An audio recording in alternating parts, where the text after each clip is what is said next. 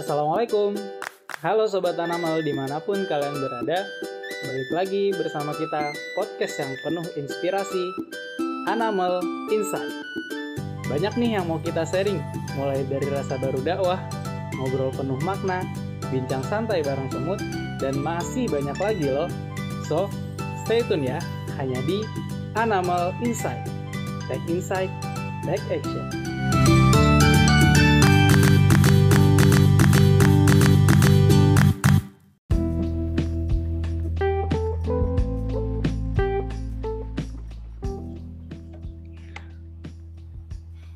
Assalamualaikum warahmatullahi wabarakatuh. Selamat bertemu lagi teman-teman Sobat Insight di episode podcast kita yang selanjutnya. Kali ini kita uh, bersama dengan sahabat kita Maulana Hafiz Rambe. Uh, Hafiz merupakan dokter kandidat ya yang satu stase lagi akan menyelesaikan koasnya dan beberapa bulan lagi insya Allah akan melakukan ujian profesi kedokteran. Amin insya Allah. Mohon doanya. Amin. Mohon doanya ya teman-teman semua. Baik di kesempatan kali ini nih kita akan membahas tema yang sangat penting dan sangat seru. Karena kita ini di bulan Ramadan dan di masa-masa PSBB ya. Karena benar sekali Ya, COVID-19. Tema kita pada kesempatan kali ini adalah kebiasaan sehat selama bulan Ramadan.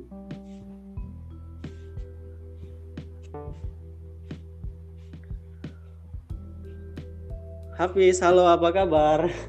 Ya, alhamdulillah baik. Alhamdulillah baik. Di masa pandemi ini walaupun kita tetap stay at home. Tapi penting banget ya buat uh, jaga diri kita sendiri uh, physical distancing social distancing sama ya aware sama keadaan kita sendiri. Kalau misalnya kita udah sakit ya kita mesti segera uh, isolasi diri biar yang lain itu nggak kena seperti itu. Dan kalau ada orang yang iya.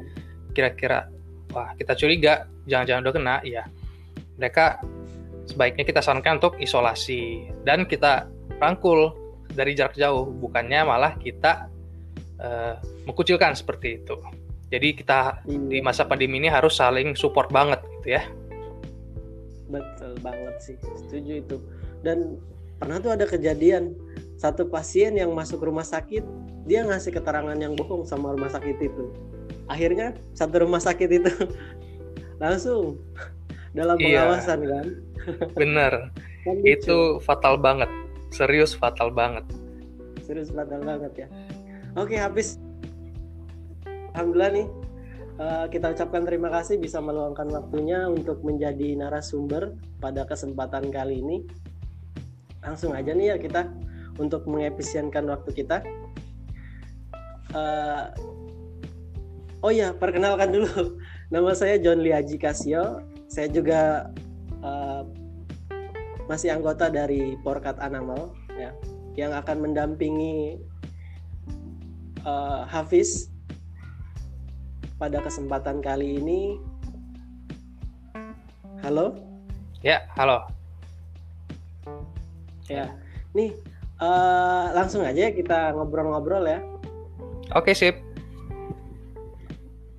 Ini kan uh, bulan Ramadan nih kan mm-hmm. otomatis uh, pola makan kita berubah yang tadinya kan kita makan tiga kali sehari bahkan mungkin bisa empat kali sehari ya tapi kan karena bulan Ramadan ini kan kita makannya ya kebanyakan jadi dua kali nih malam mm-hmm. dan makan sahur gitu iya yeah. itu kira-kira um, gimana sih ngaruh nggak buat um, metabolisme tubuh atau buat apa gitu oke okay jadi pas Ramadan ya kita ada mengalami dua perubahan besar gitu.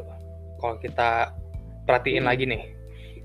Pertama jam makan, kedua jam biologis atau jam uh, irama kita bangun tidur, siklus kita bangun tidur. Bangunnya jam berapa, tidurnya jam berapa, seperti itu. Nah, Pertama yang mau dibahas nih yang jam biologis dulu nih. Jadi kan Iya, boleh. kita mulai pas bulan Ramadan kan udah membiasakan diri buat bangun sahur kan. Dan Mm -mm. eh, dianjurkan sekali ketika Ramadan itu untuk kailullah atau tidur siang. Nah, jadi Mm -mm. Bentar aja tuh ya. iya benar sekali. Nah, jadi perubahan waktu itu pasti dong eh, menuntut kita untuk menyesuaikan diri dengan istilahnya new normal gitu. New normal pas lagi bulan Ramadan gitu. Nah, kebanyakan orang itu butuhkan 4 sampai 14 hari buat nyesuaiin diri sama jam biologis baru. Gitu. Jadi wajar bagi kita kalau misalnya berapa hari pertama itu bangun sahur itu ngantuk. Kadang ada yang kelewatan, kadang ada yang injury time gitu. Jadi makan sahurnya sekali telan gitu ya. Nah, Iya, iya, iya. Lalu perubahan yang kedua itu pastinya jam uh, makan kita. Mm-mm. Jam makan kita yang awalnya itu tiga kali sehari, potong jadi uh, dua kali dua kali sehari ya. Mungkin tiga kalau Iya. ada berbukanya itu uh, istilahnya kalau di kedokteran itu breakfast, lalu makan malam sama makan sahur. Iya. Tentunya pun selama selama puasa karena kita nggak dapat makan tubuh kita pun juga eh, beradaptasi dengan perubahan itu nah yang awalnya kita tiap beberapa jam itu makan tetapi ternyata tubuh kita menjadi lama tidak mendapat asupan makanan nah jadi yang terjadi itu kalau dalam sejam dua jam pertama nah tubuh kita tuh Mm-mm. bisa habis makan itu kan menyimpan gula. Nah, gula yang disimpan itu dalam eh, ya na- nama se- sedikit penamaan aja. Ada yang namanya itu gliserol, disimpannya di hati. Nah, gliserol di hati ini langsung diubah jadi gula lagi. Nah, gula ini buat bahan bakar energi nantinya. Terus untuk beberapa jam setelahnya mulailah proses eh, gluconeogenesis. Asam eh, asam amino dari protein sama asam lemak bebas itu diubah jadi gula darah. Nah, lebih lama lagi barulah terjadi lipolisis atau asam eh, simpanan lemak di tubuh itu dipecah jadi asam lemak baru dipakai buat eh, bahan bakar sehari-hari. Nah, kalau kita udah puasa 10 sampai 16 jam, nah tubuh kita itu menjadi beradaptasi untuk eh, tingkat yang selanjutnya yaitu ketogenesis. Jadi sebelumnya kan lemaknya kan udah karena kita udah lama puasa nih, udah lama nggak makan, lemak tuh akhirnya kan dipecah dari tubuh. Jadi lemak ini berkurang dong. Nah da- eh, dan di darah itu banyak asam lemaknya kan. Nah asam lemak yang banyak di darah ini akhirnya diproses sama hati jadi keton. Maka namanya maka itu namanya ketogenesis. Nah, nah keton yang udah diproses dari hati ini akhirnya dipakailah oleh otak, oleh jantung dan jaringan-jaringan tubuh lainnya. Nah, otomatis ya, eh, setelah puasa 10 Iya. sampai 16 jam, kadar keton ini kan makin meningkat di dalam darah. Nah, keton ini pun punya manfaat tersendiri gitu. Manfaatnya itu bisa mempertahankan fungsi memori dan pembelajaran, memperlambat proses penyakit, meningkatkan kesehatan, eh, meningkatkan in- sensitivitas insulin, jadi bisa mencegah diabetes dan menurunkan berat badan. Dibanding dengan eh, tubuh kita menggunakan gula darah atau glukosa sebagai sumber eh, bahan bakar utama gitu. Nah, itulah manfaat-manfaatnya tadi. Tapi kalau ketogenesisnya itu berlebihan, nah dia bisa menyebabkan eh, gangguan asam basa tubuh yang bisa menyebabkan eh, life threatening gitu, bisa menyang- bisa mengancam nyawa.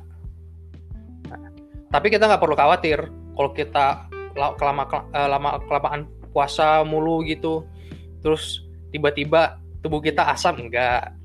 Nah, kondisi keton berlebihan ini istilahnya itu ketosis atau ketoasidosis itu terjadinya biasanya pada orang yang diabetes.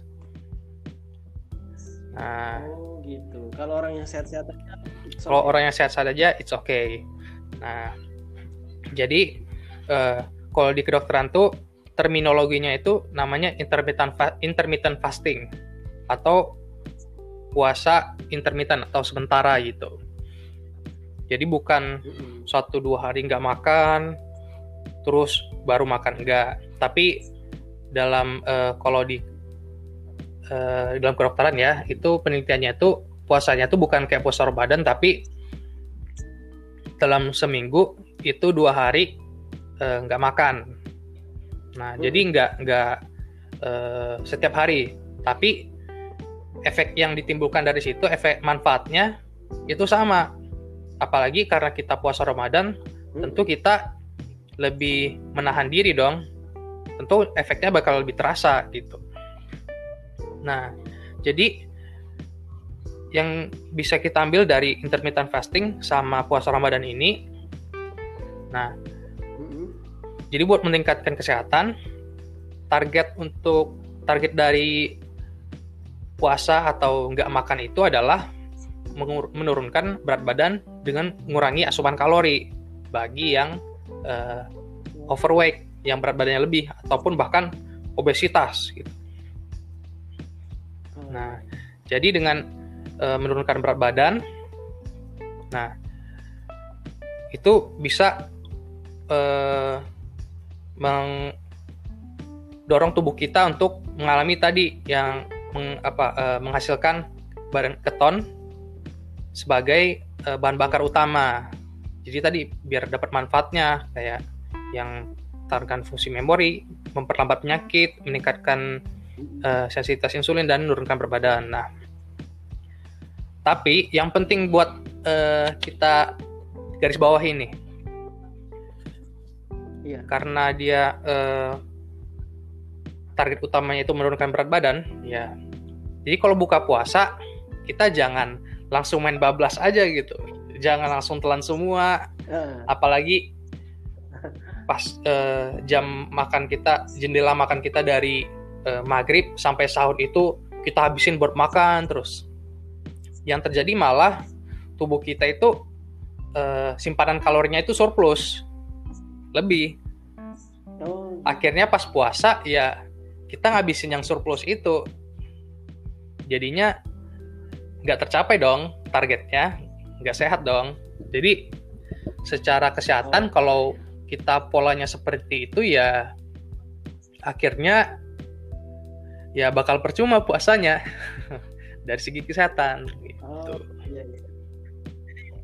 Um, Oke. Okay. ya kalau misalkan tips ke puasa atau makan sahurnya itu bagaimana kira-kira? Nah, kita mulai dari buka puasa dulu deh. Nah, kalau buka puasa itu kan kita kondisinya udah seharian puasa, seharian gak dapat makan, otomatis eh, kadar gula darah di dalam darah kita itu rendah dong, menurun lah, belum sampai rendah. Iya. Bagi terutama bagi orang yang udah biasa. Nah, jadi penting banget buat uh, ya kenapa uh, Rasulullah mengatakan berbuka dengan yang manis gitu. Nah, jadi makanan manis ini mengembalikan kadar gula darah yang turun selama puasa dengan efektif seperti itu dibandingkan makanan-makanan yang uh, lain seperti itu. Jadi sangat disarankan banget pas buka itu langsung yang manis, apalagi kurma karena kurma itu kadar gulanya tinggi dan bagus banget buat buka puasa. Dan ada eh, keadaan yang mirip juga bisa kita temukan pada orang diabetes yang eh, kondisi gula darahnya itu rendah banget sampai dia menggigil ya nah kalau biasanya dikasih teh ataupun yang manis-manis itu kan langsung mendingan gula darahnya bakal naik lagi. Hmm. Nah, sama kondisinya kayak orang puasa.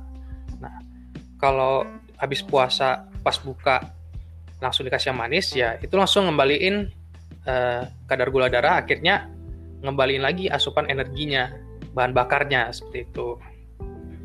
Nah jadi buka puasa dengan yang manis. Selanjutnya nih kalau sahur. Nah karena tadi kita prinsipnya kan kalau puasa itu kan untuk mengurangi jumlah kalori itu kan udah terpenuhi dengan uh, frekuensi makan kita yang lebih sedikit, yaitu dua kali kan makan beratnya pas lagi puasa.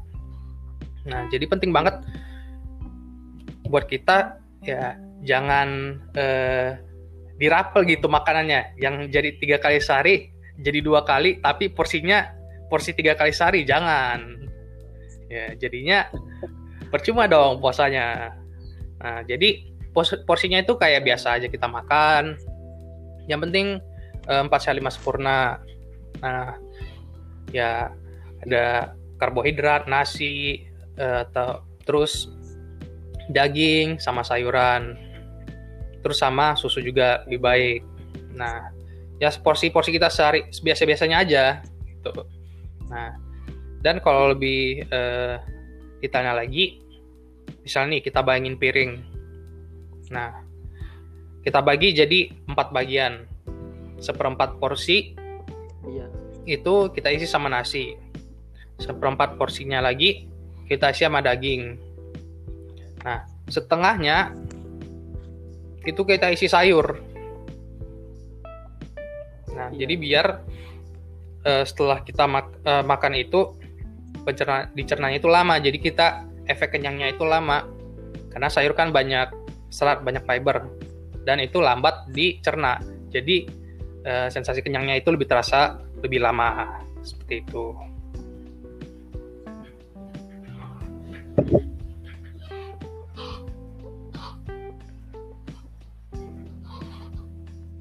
Itu untuk makan iya buat makan ya? sahur.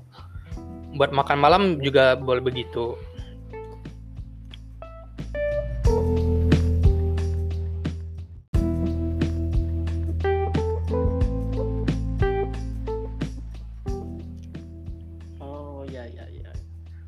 next nih ke pertanyaan yang selanjutnya. Antum luar biasa ya. Jawabnya detail banget tapi sejauh ini nggak pusing kan ya? Enggak lah. Kan podcast kan Wah. bisa diulang-ulang bukan kayak kelas yang sekali dengar gitu. Kita kan bisa ulang-ulang lagi. Makin detail makin Siap, bagus. bos. Um, nih untuk um, pengaturan cara makannya nih kan? Hmm. tadi mungkin ada yang masih aneh kurang jelas nih kan ya? Uh, cara mengatur makan untuk berbuka puasa. Itu kan kadang ada orang yang pas makan nih mm-hmm. langsung buka langsung makan berat. Ada juga yang pas uh, buka puasa langsung nyemil gitu makan bakwan lah satu gitu. Makan bakwan satu satu satu satu. Iya, akhirnya iya, lima iya, kan. itu bagaimana itu? Ya sebenarnya bukan orang aja sebenarnya kita juga ya. Ya jadi kalau kan berat ketika buka puasa. Banyak banget godaannya emang. Ya jadi uh, buka puasa itu goalnya itu ngembaliin kadar gula darah yang turun selama kita ada puasa tadi gitu. Ya caranya dengan ya tadi berbuka dengan yang manis nah yang manis. uh, Rasulullah kan menyarankan berbuka dengan uh, kurma dengan bilangan ganjil ya. Boleh satu tiga lima. Lalu baru minum air lalu uh, baru baca doa berbuka yang kita bazumau nah jadi uh, kita ya tadi intinya buka itu untuk uh, ngembalin kadar gula darah sama biar uh, pencernaan kita itu terstimulasi gitu. Terangsang wah udah makan nih. Nah kalau kita ya logika aja sih. Kita uh, lagi jalan tiba-tiba disuruh disuruh lari gitu. Dibanding jalan terus pelan-pelan jogging baru lari kira-kira kita lebih terkejut nggak pas uh, tiba-tiba lari gitu iya Nah. jelas itu terkejut iya Harusnya pemanasan dulu harus pemanasan dulu. ya. jadi tubuh kita kita kasih kesempatan buat eh, adaptasi le- lebih perlahan gitu dan yang penting itu makan secukupnya baik lagi tadi ke konsep kita yang Mm-mm. Fasting itu buat menurunkan asupan kalori bukan buat nimbun kalori jadi makannya dikit aja jangan banyak-banyak ya jadi eat as needed not is Iya. eat as wanted gitu Nice. Kan ada ya, bukan ada, mayoritas sih. Ini kita harus melawan apa ya? Pendapat-pendapat umum gitu. Kalau buka bulan puasa itu malah tambah berat badan. Bukan. iya Semoga pencerahan yang antum mudah-mudahan bisa ya membantu. sebenarnya eh, selain tantangannya dari orang umum dari diri kita juga ya mau nggak kita nahan diri gitu wah ini ada kolak wah ini es buah waduh Es buah, gorenganku terus lontong. sering nggak sih kita ngerasa sebelum buka itu wah pengen makan ini pengen makan itu dibeli banyak. Pas buka lah satu aja nggak habis. Nah. Iya. padahal sebenarnya eh, lambung kita tuh udah terbiasa istirahat. Jadi pas sekalinya dapat makan ya eh, nggak bisa langsung banyak gitu. Jadi Iya, yang penting air, mm-mm, kurma, itu cukup sebenarnya. Cukup untuk awalan. Mm-mm. jadi nggak perlu banyak-banyak. Dan kita perlu eh, sediakan eh, bagian dari tubuh kita ya buat sholat gitu. Jangan sampai kita karena kebanyakan makan Oh, iya. akhirnya sholatnya terganggu. Saya bisa pas sujud muntah gitu kan kan nggak lucu ya sejadahnya kotor kan Iya, iya, iya. Apalagi kondisi perut itu Mm-mm. penuh kan? Kita sholat nah terawih.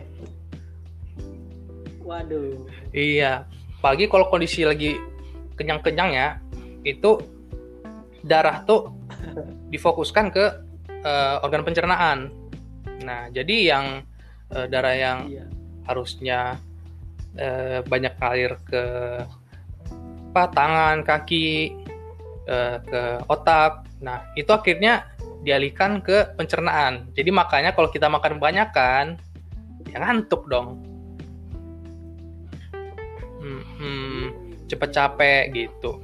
Karena fokus energinya itu di pencernaan buat mencerna makanan yang udah dimakan tadi gitu tapi kalau kita makannya ya sosok aja biasa-biasa aja ya tubuh juga eh, nggak perlu ngasih eh, ngalirin banyak-banyak darah ke sana. Jadi kita masih punya eh, aliran energi buat eh, buat tangan kita kaki paru-paru buat eh, otak kita. Jadi lebih energetik gitu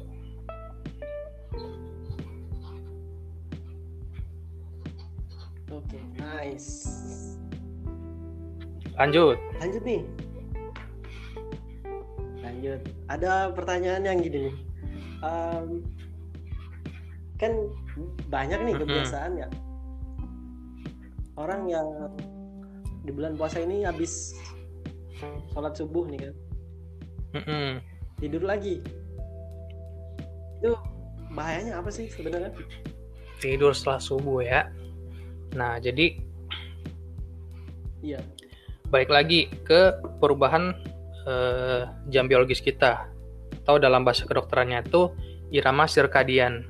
Nah, dia kan orang membutuhkan 4 sampai 14 hari buat eh, adaptasi dengan jadwal eh, jam biologis barunya, irama sirkadian barunya. Nah,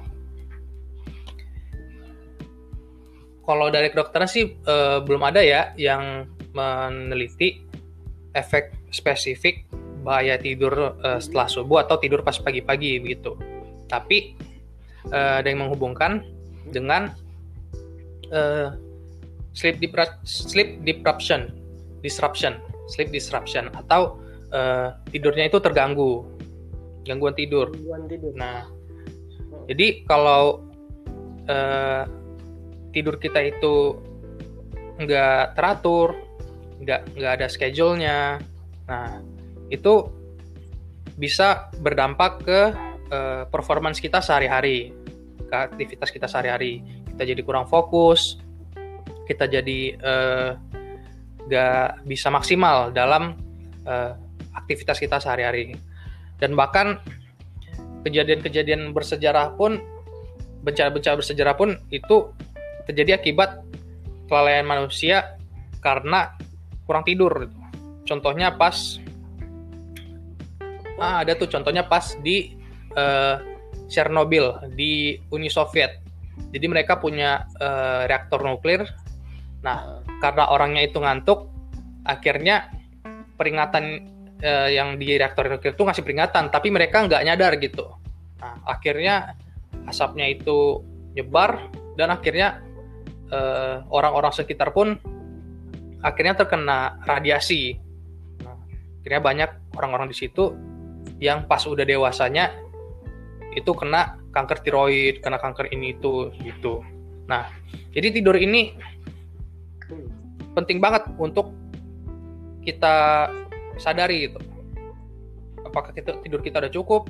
Nah, jadi untuk uh, biar tidur kita uh, baik lagi nih, kita kan harus membiasakan diri ya subuh kita tetap harus bangun biar uh, pola tidur kita bagus gitu.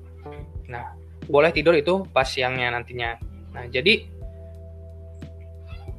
buat uh, ngatasi tidur setelah subuh ya kita pertama harus udah uh, tidurnya lebih awal dulu gitu. Jadi pas bangun kita uh, lebih punya energi. Kita udah menyimpan cukup energi selama tidur. Nah, kita harus pastikan tidur kita itu kualitasnya bagus tidurnya uh, gelap terus uh, empat uh, minimal tuh minimal banget tuh 4 jam bagusnya lagi 6 sampai 8 jam seperti itu iya.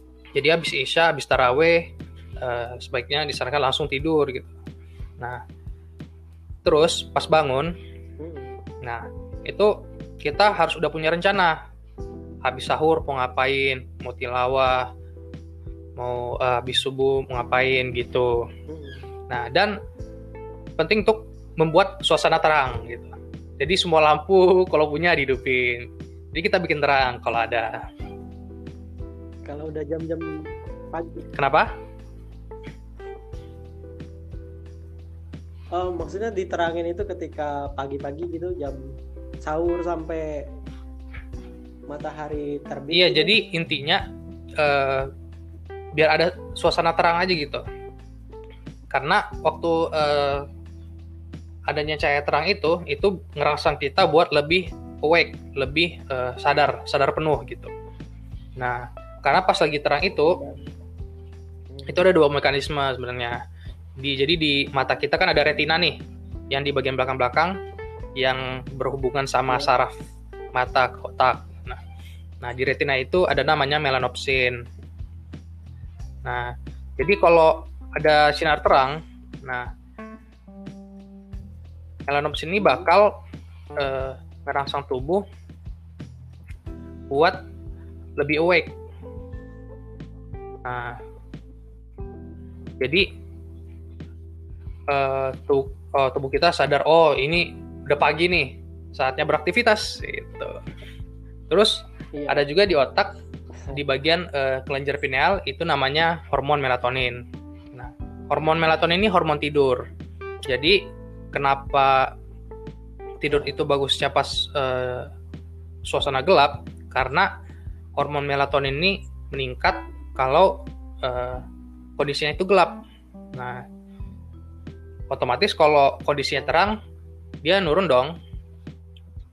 Nah, jadi antara melanopsin sama hormon melatonin ini akhirnya dia sama-sama membantu untuk menyesuaikan jam biologis kita. Nah, jadi kita uh, ngasih tahu nih, oh ini uh, jam bangun kita sekarang di sini nih.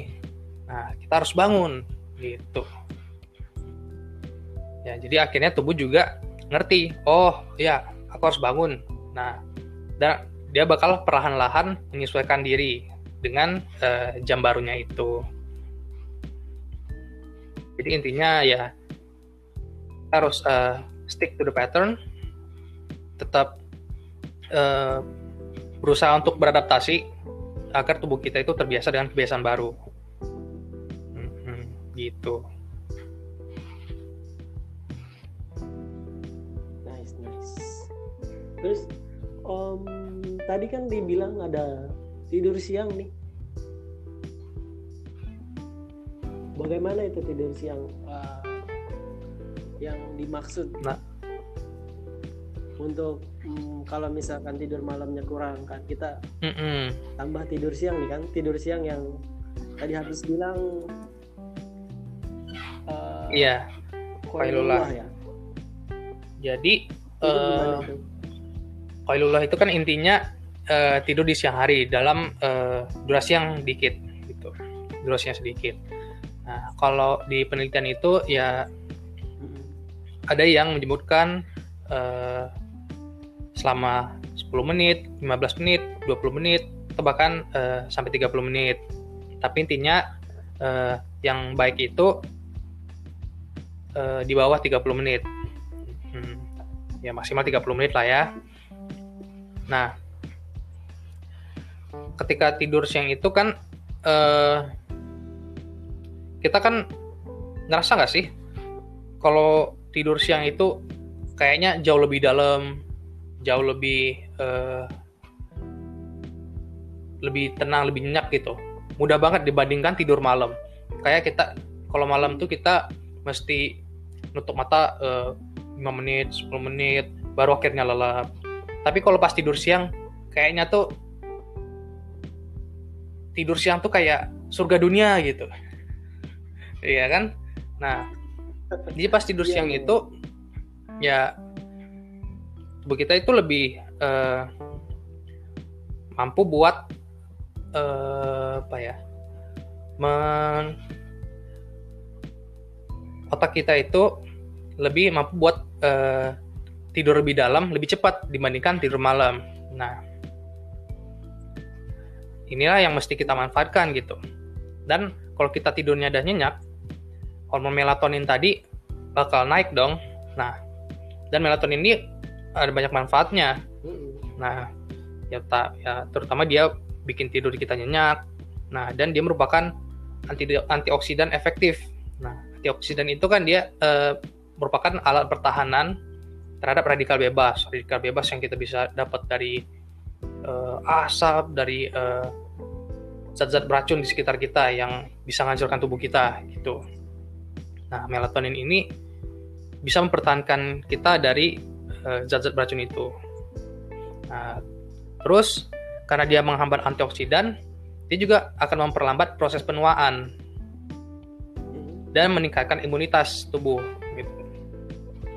Jadi bagus banget nih manfaat tidur siang. Menghambat penuaan ya. Gitu. nice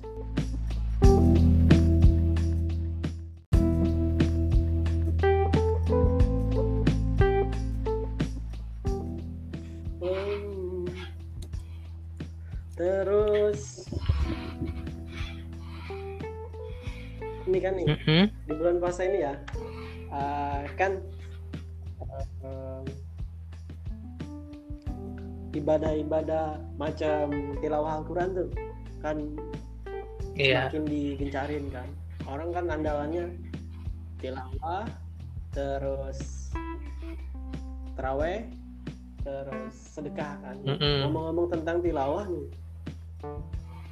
kan ada pernah uh, penelitian katanya tilawah Al-Quran itu secara ilmiah bisa meningkatkan kecerdasan. Itu bisa dijelasin lagi nggak sih? Sebenarnya itu bagaimana gitu? Oke. Okay. Uh, kalau yang dari yang dibaca sih, uh, tilawah, tilawah Al-Quran itu jelas banget bisa uh, uh, bermanfaat secara signifikan menurunkan tingkat kecemasan, buat relaksasi, apa pun bahasa yang uh, dipakai oleh orang yang mendengarkan itu terlepas dari bahasa apa pun mendengarkan Al-Quran dengan yang bahasa Arabnya itu itu bisa menurunkan tingkat kecemasan bagi semua orang gitu. Nah, untuk uh, meningkatkan kecerdasan sendiri, mungkin itu lebih ke uh, membaca Al-Quran dari istilahnya uh, membaca secara langsung bukan mendengarkan bacaannya gitu kan. Karena kan kita melatih otak kita buat uh, terbiasa dengan huruf-huruf Al-Quran uh, tajud-tajudnya cara membacanya dan membacanya dengan uh, melantunkan nada seperti itu. Nah itu kan uh, melatih otak kita lagi.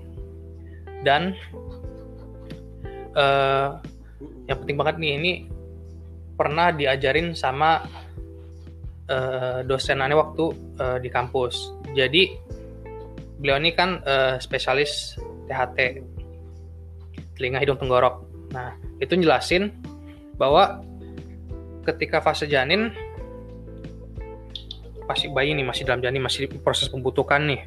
Nah yang pertama kali uh, aktif itu bukan penglihatan karena masih di dalam janin kan bukan juga uh, akalnya, iya. bukan juga pencernaan, tapi pendengarannya. Nah, jadi bayi ini udah memulai membentuk memori pendengaran ketika berada di dalam janin. Nah, makanya penting banget buat bapak-bapak nih yang calon bapak, suami calon bapak. Nah, iya. itu buat ngebacain Al-Qur'an buat anaknya. Karena tadi satu yang paling pertama indera paling pertama yang uh, aktif di janin itu pendengaran dan yang kedua karena dia baru aktif itu sensitif dengan suara gelombang suara dengan frekuensi rendah alias nadanya rendah nah yang nadanya rendah kalau ngomong siapa ya laki-laki dong bukan perempuan Nah, makanya bacaan Al-Quran dari seorang ayah kepada anaknya ini selama masa janin ini, ini efektif banget. Ini bisa membantu stimulus itu, berikan stimulus buat uh, anaknya itu berkembang. Nah, gitu. Jadi buat ibu-ibu nih yang udah hamil, ayo didorong uh, calon-calon ayahnya, calon ayah calon ayahnya buat baca Al-Qur'an dekat uh, janinnya ya gitu ya.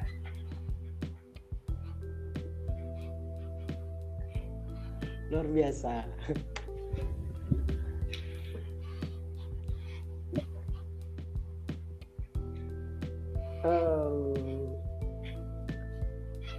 pertanyaan selanjutnya nih um, tentang Mm-hmm. Ini dari dari aneh pribadi sih ngerasain ya. Yeah. Oh, aneh kan punya penyakit mah nih. Itu mm-hmm. mulai berefek lagi kadang-kadang gitu. Misalnya dalam dalam lima hari itu dua atau satu hari pas sore-sore mm-hmm. itu ngerasa tenggorokan itu panas gitu. Itu bagaimana sih supaya uh, bisa diatasi? Iya. Jadi kalau uh, sistem pencernaan, pencernaan itu nah, salah satu faktor besar yang menentukan uh, siklusnya itu yang mempengaruhi kerjanya itu juga irama sirkadian atau jam biologis kita. Nah, kan balik lagi kan tadi pas puasa kita kan juga ngatur jam biologis kita buat menyesuaikan diri dengan uh, jadwal-jadwal baru dengan sahur uh, sampai habis subuh terus bangun terus siang uh, tidur lagi. Nah, jadi pencernaan itu kan paling aktifnya ketika kita beraktivitas. Sedangkan ketika kita beristirahat, dia pun juga mulai istirahat gitu. Nah, ikut istirahat ya. Jadi kita coba uh, biarkan uh, tubuh kita, kita fasilitasi tubuh kita buat uh, menyesuaikan diri gitu. Dibantu juga biar nggak uh, asam lambung ya. Kita menu makanannya juga harus dijaga dong. Jangan makan makanan yang asam. Kalau emang uh, punya riwayat mah ya jangan makan pedas. Jangan uh, minum susu tuh dikurangi. Terus uh, jadwal makan itu harus benar-benar on schedule gitu. Misalnya jam 6 buka oke. okay makan malam mau jam berapa mau habis maghrib uh, oke. Okay. ataupun uh, uh, lebih baik habis maghrib sih dibanding habis sisa habis itu tidur kan uh, tidak terlalu bagus. Walaupun uh, makan sebelum tidur ini efeknya bagi orang itu bermacam-macam. Nggak semuanya buruk gitu. Nah jadi ya yang terus yang paling utama juga stres karena faktor stres ini merupakan faktor terbesar uh, dari timbulnya uh, penyakit mah ini atau sindrom dispepsia gitu. Jadi penting uh, buat kita buat uh, selama puasa ini itu maintain yourself, kita uh, mengatur diri kita sendiri, jangan terlalu banyak stres. Kalau uh, dan sebenarnya pun puasa itu adalah stres gitu tapi stres itu uh, secara terminologi dia dibagi dua. Ada eustress dan ada distress. Eustress itu tulisannya eustress gitu ya. Itu baik buat kita karena uh, stres yang kita dapat itu masih dalam uh, kadar membuat kita untuk beradaptasi, membuat kita untuk uh, keluar dari zona nyaman gitu. Tapi kalau di stres itu kadar stresnya itu udah tinggi sampai membuat kita uh, malah menjadi down, malah uh, jadi uh, breakout. Nah, puasa itu termasuk eustress. Nah, jadi kita uh, perlu bersabar dan mendorong diri kita buat adaptasi nih dengan puasa itu. Karena kan kita kan menahan kalori yang mana waktu kita sebelum puasa kita biasa makan banyak tapi sekarang kita udah asupan makannya dikit.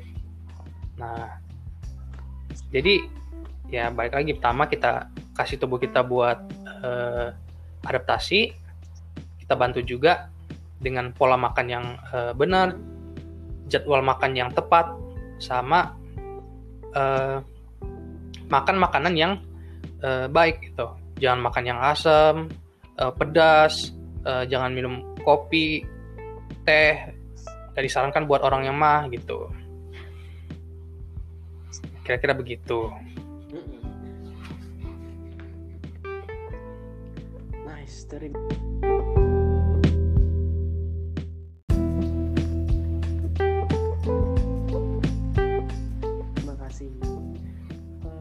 oh ya, satu lagi nih pertanyaan terakhir.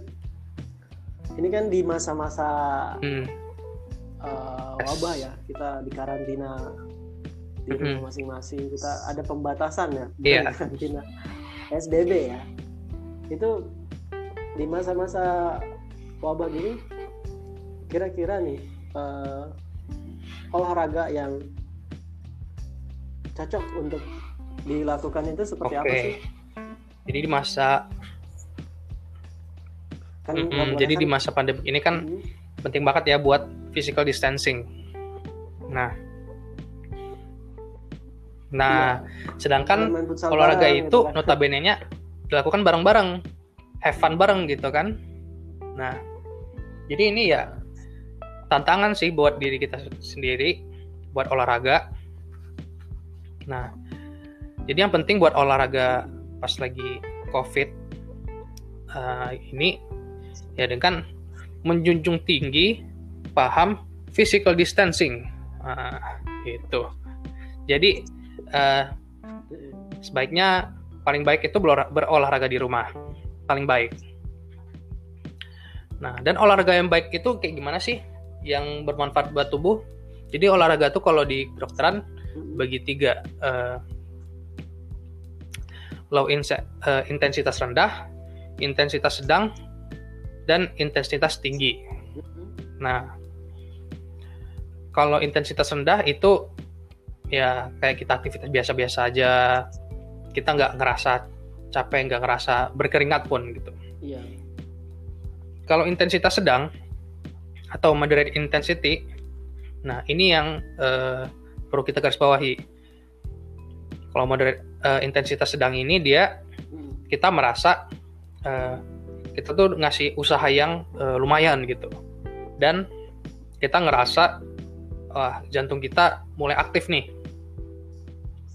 Tapi jangan sampai uh, jadi uh, intensitas tinggi yang mana kita ngerasa kelelahan dan jantung kita itu berdebarnya kencang gitu.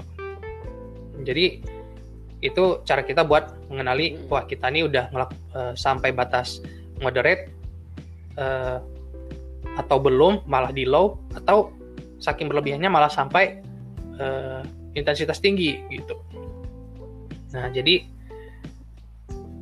penting banget buat kita olahraga sampai batas wah kita uh, udah mulai uh, mengeluarkan banyak tenaga tapi kita nggak kelelahan dan jantung kita itu nggak berdetak uh, berlanjut tuh berlebihan enggak nah kenapa uh, dengan ada apa dengan olahraga intensitas rendah ini jadi dibandingkan olahraga dengan intensitas berat olahraga intensitas rendah eh sedang rendah hingga sedang ya sebenarnya itu terbukti dapat meningkatkan uh, sistem imun kita.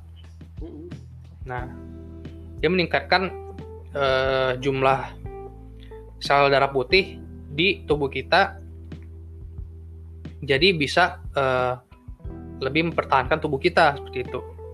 Nah, dan olahraga itu juga sebenarnya termasuk stres. Yang mana kalau yang udah kita bicarakan tadi dia masuknya itu ke eustress. Stres yang baik. Nah. Kalau uh, jadi olahraga intensitas rendah ini dia karena eustress dia akan uh, merangsang inflamasi atau peradangan sedikit. Nah peradangan ini juga akan uh, mendorong imunitas buat uh, mempertahankan tubuh gitu. Nah, sedangkan kalau olahraga intensitas berat itu justru sebaliknya malah menurunkan sistem imun. Karena uh, tubuh kita itu fokus buat mengembalikan energi ke otot yang udah dipakai banyak banget nih gitu. Kalau kita capek banget ya sampai otot kita itu ngerasa kram atau capek banget itu kan penumpukan asam laktat itu tinggi di otot. Nah, jadi oksigen itu eh, oksigen terutama ya darah ya banyak dialirkan ke otot-otot sehingga darah yang dialirkan ke organ-organ yang berfungsi buat pertahanan tubuh, pencernaan dan lain-lain itu di nomor dua kan gitu. Yang pertama otot dulu nih. Nah makanya itu karena saking fokusnya di otot, ya akhirnya sistem pertahanan tubuh akhirnya nggak difokuskan dan akhirnya uh, menurun gitu. Terus contoh latihan intensitas sedang itu contohnya kayak jalan cepat, berkebun, sepeda santai, senam zumba gitu. Nah, kalau yang berat itu kayak uh, jogging lama, lari, sprint, uh, main bola gitu. Ataupun uh, bersepedanya itu cepat gitu. Nah, itu tidak disarankan olahraga yang seperti itu. Dan uh, kalau untuk olahraga, lokasi olahraganya,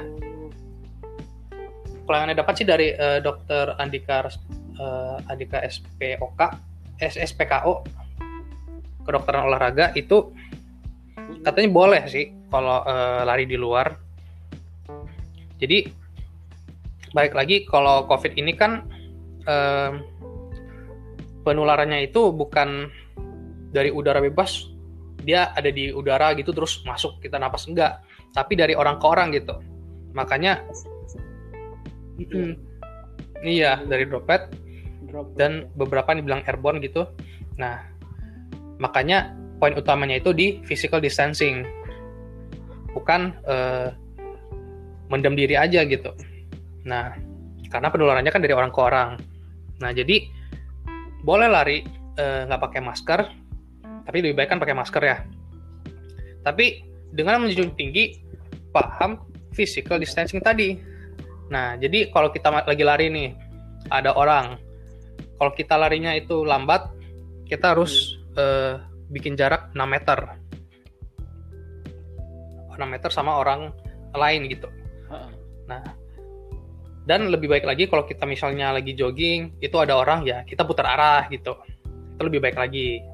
Nah, terus kalau kita misalnya nih lari di belakang orang yang lagi juga lari gitu, sama-sama pelari nih, lagi jogging nih sama-sama. Nah, itu kita harus jaga jarak jauh lebih besar yaitu 20 meter gitu. Jauh gitu. Mm-mm. Jadi soalnya kan pas kita lagi napas eh, keluar droplet dong Eh, hasil eh, istilahnya embun-embun pernapasan kita. Nah, Iya. kalau kita lari kan dia kan juga bakal makin tersebarnya itu lebih eh, besar dong eh, radia- ra- eh, radiusnya.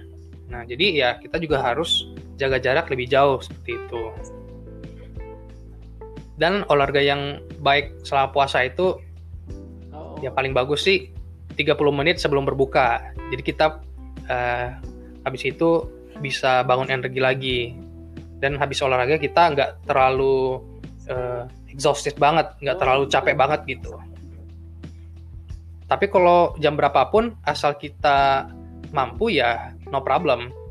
Intinya olahraga itu jangan berlebihan. Hmm, hmm. Oke. Jadi bagus tuh kalau misalkan mau Mm-mm. jogging ya sekitaran halaman dan gitu. olahraga lain kayak eh, body weight yang eh, push up, sit up itu juga bagus. Sit up. Karena kalau eh, tipe olahraga yang kayak gitu kan itu sebenarnya bakar lemak itu jauh lebih banyak. Nah, karena kan setelah kita push up, sit up itu kan eh, otot-otot yang udah kita pakai itu kan eh, capek, banyak asam laktatnya. Nah, dia otomatis akan eh, membakar energi buat membuang asam laktat itu dan buat simpanan eh, energi buat otot ke depannya gitu. Jadi setelah kita push up, sit up, nah itu proses eh, pembakaran itu setelah itu gitu. Jadi olahraga apa aja asal eh, sesuai kadar kita sendiri ya itu bagus. Jangan berlebih. Nice. Hampir sejam ya. Tidak terasa ya hampir satu jam kita berbincang-bincang. Luar biasa. iya nih.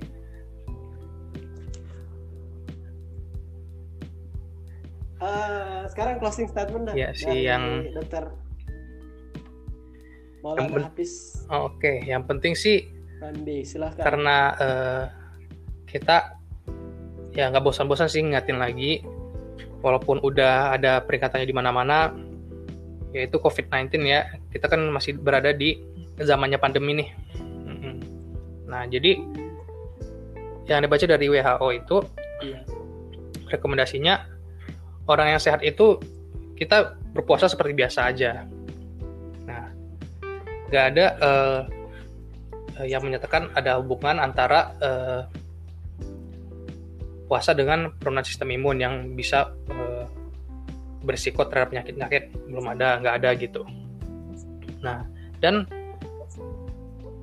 tapi bagi orang-orang yang eh, mulai eh, ada gejala kayak batuk gitu, itu sebaiknya dipertimbangkan dan harus meng segera mengisolasi diri. Iya. Buat jaga-jaga gitu kan. Nah jadi kita puasa kayak biasa aja. Nah terus eh, jaga jarak juga minimal itu satu meter. Hindari kontak langsung dan jangan berkerumun. Dan bagi high risk people orang-orang dengan risiko tinggi kayak yang orang kurang sehat yang batuk-batuk tadi anak-anak dan orang tua usia lanjut itu lebih ditekankan buat eh, hindari aktivitas di luar eh, physical distancing gitu. Tapi tetap beraktivitas masing-masing gitu. Iya. Jangan sampai kita eh, dengan PSBB ini malah eh, menimbun stres menimbun lemak dengan rebahan Stres. begitu. Nah, ya kira-kira Iya, gitu. Stay healthy, stay active.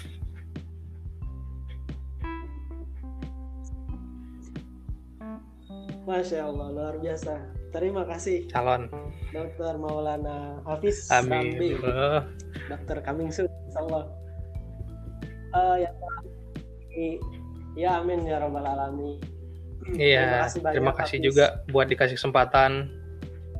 mudah-mudahan di pada kali ini Ya, terima kasih juga buat udah dikasih kesempatan buat bisa berbagi di sini. Senang rasanya bisa berbagi.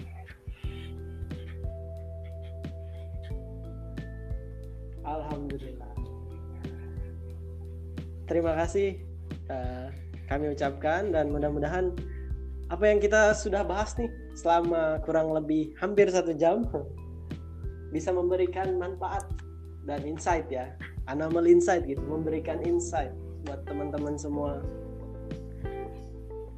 Dan memang kita kan dalam masa wabah, Mm-mm. dalam cobaan ini ya menghadapi COVID-19 itu kan membatasi kita untuk eh, menjaga jarak dengan manusia-manusia yang Iya. lain gitu dengan individu-individu yang lain tapi kan kita diberikan hikmah baiknya gitu kita bisa Iya, benar banget. semakin mendekatkan diri kita kepada Allah Subhanahu Wa Taala ya Iya, harusnya malah tambah bagus dong Ramadannya bener. kita makin Harusnya dengan Makin waktu husuk. luang yang kita dapatkan secara banyak ini kita bisa maksimalin gitu. Ya, tapi kalau bagiannya sih eh, coba waktu luang ini itu mengeluarkan eh, orang itu sebenarnya siapa gitu. Menjelaskan orang itu sebenarnya siapa. Kalau dia emang menghargai waktu ya dia bakal manfaatin semua waktu ini dengan baik gitu. Dan sebaliknya gitu. Yes Nice. Sama kayak Hatta. waktu luang. Mungkin di lain kesempatan kita bisa berbincang-bincang lagi ya. Terima kasih eh, Dokter Maulana Hafiz Rambe Oke. atas kesempatannya. Saya mengucapkan eh, mohon maaf apabila ada kata-kata Ya, yang mohon- kurang berkenan. Dan sekian podcast kita dengan judul Kebiasaan Sehat Selama Bulan Ramadan. Kurang dan lebihnya kami mengucapkan mohon maaf dan terima kasih. Wabillahi taufiq wal hidayah. Wassalamualaikum warahmatullahi wabarakatuh. Bye bye.